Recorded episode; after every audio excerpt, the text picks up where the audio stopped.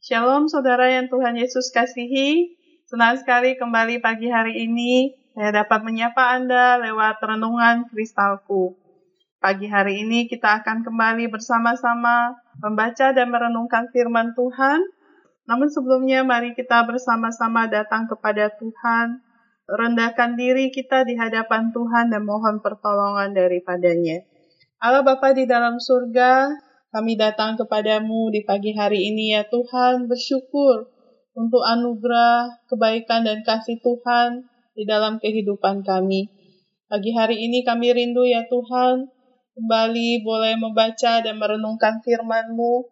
Kami rindu Tuhan sendiri menyapa kami lewat pembacaan dan perenungan firman-Mu di pagi hari ini. Kami telah siap ya Tuhan, berbicaralah kepada kami Demi nama Tuhan Yesus kami sudah berdoa dan mengucap syukur. Amin. Pembacaan firman Tuhan pada hari ini dari kitab Yosua pasalnya yang ketujuh, ayatnya yang pertama hingga ayatnya yang ke-12. Demikian firman Tuhan. Tetapi orang Israel berubah setia dengan mengambil barang-barang yang dikhususkan itu. Karena Ahan bin Karmi bin Sabdi bin Zera dari suku Yehuda mengambil sesuatu dari barang-barang yang dikhususkan itu. Lalu bangkitlah murka Tuhan terhadap orang Israel. Yosua menyuruh orang dari Yeriko ke Ai yang letaknya dekat Bet Awen di sebelah timur Betel dan berkata kepada mereka demikian. Pergilah ke sana dan intailah negeri itu maka pergilah orang-orang itu ke sana dan mengintai kota Ai.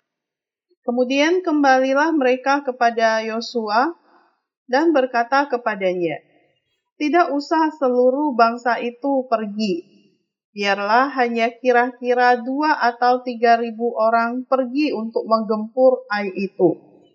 Janganlah kau susahkan seluruh bangsa itu dengan berjalan ke sana sebab orang-orang di sana sedikit saja. Maka berangkatlah kira-kira 3.000 orang dari bangsa itu ke sana. Tetapi mereka melarikan diri di depan orang-orang Ai. Sebab orang-orang Ai menewaskan kira-kira 36 orang dari mereka. Orang-orang Israel itu dikejar dari depan pintu gerbang kota itu sampai ke Shebarim dan dipukul kala di lereng. Lalu tawarlah hati bangsa itu amat sangat.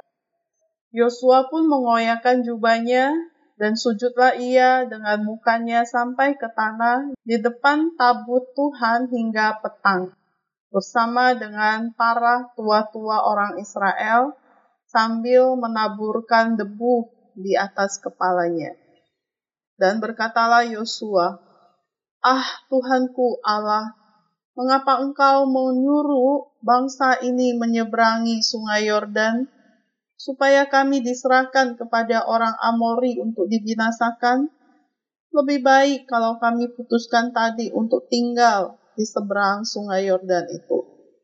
Oh Tuhan, apakah yang akan kukatakan setelah orang Israel lari membelakangi musuhnya? Apabila hal itu terdengar oleh orang Kanaan dan seluruh penduduk negeri ini, maka mereka akan mengepung kami dan melenyapkan nama kami dari bumi ini. Dan apakah yang akan kau lakukan untuk memulihkan namamu yang besar itu? Lalu berfirmanlah Tuhan kepada Yosua, Bangunlah, mengapa engkau sujud demikian orang Israel telah berbuat dosa. Mereka melanggar perjanjianku yang kuperintahkan kepada mereka. Mereka mengambil sesuatu dari barang-barang yang dikhususkan itu. Mereka mencurinya. Mereka menyembunyikannya dan mereka dan mereka menaruhnya di antara barang-barangnya. Sebab itu orang Israel tidak dapat bertahan menghadapi musuhnya mereka membelakangi musuhnya, sebab mereka itu pun dikhususkan untuk ditumpas. Aku tidak akan menyertai kamu lagi jika barang-barang yang dikhususkan itu tidak kamu gunakan dari tengah-tengahmu. Sampai sejauh demikian pembacaan firman Tuhan hari ini. Tema renungan kita adalah menghancurkan dosa. Seorang bercerita demikian. Tenggat penyelesaian penulisan sudah dekat. Tetapi perdebatan dengan mamanya tadi pagi masih berkecamuk di dalam benaknya. Dia menatap kursor yang berkedip-kedip di depan layar komputer dengan jari-jari yang terdiam di atas keyboard. Ia juga salah, Tuhan. Saat layar komputer mati, pantulan di situ seolah balik mencemoohnya.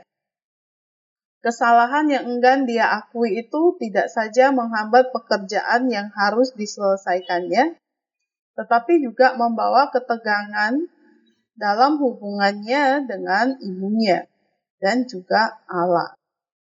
Dia pun kemudian mengambil ponselnya, dia mengabaikan gengsi, dan dia meminta maaf kepada ibunya. Setelah berdamai dengan ibunya yang juga meminta maaf, Orang itu berkata dia sangat bersyukur kepada Allah dan menyelesaikan tugasnya tepat waktu. Saudara bangsa Israel mengalami pedihnya dosa pribadi sekaligus sukacita dari pemulihan. Yosua sudah mengingatkan umat Allah untuk tidak memperkaya diri mereka dalam pertempuran untuk merebut Yeriko di dalam pasal yang ke-6 ayat 18. Namun, akan mencuri barang jarahan dan menyembunyikannya di dalam kemahnya, di dalam pembacaan kita tadi. Setelah dosa akan terungkap dan dituntaskan, barulah bangsa Israel bisa berdamai kembali dengan Allah. Seperti akan, kita tidak selalu menyadari bahwa dosa yang kita sembunyikan membuat hati kita berpaling dari Allah dan mempengaruhi orang-orang di sekitar kita. Mengakui Yesus sebagai Tuhan, mengakui dosa kita, dan meminta pengampunan darinya, memberikan dasar bagi suatu hubungan yang sehat dan setia dengan Allah dan sesama. Dengan berserah setiap hari kepada Allah, pencipta dan penolong kita yang penuh kasih, kita dapat melayaninya sekaligus menikmati kehadirannya di tengah kita semua. Saudara, ingatlah Allah dapat membersihkan hati kita dari dosa yang merusak kedekatan kita dengannya dan hubungan kita dengan sesama. Demikian firman Tuhan, mari kita berdoa. Tuhan Yesus, terima kasih untuk firman-Mu pagi hari ini. Kami menyadari ketika kami ada sembunyikan dosa di dalam hidup kami, dalam keegoisan dan keangkuhan kami, maka itu akan mengganggu hubungan kami dengan Tuhan dan juga dengan sesama kami.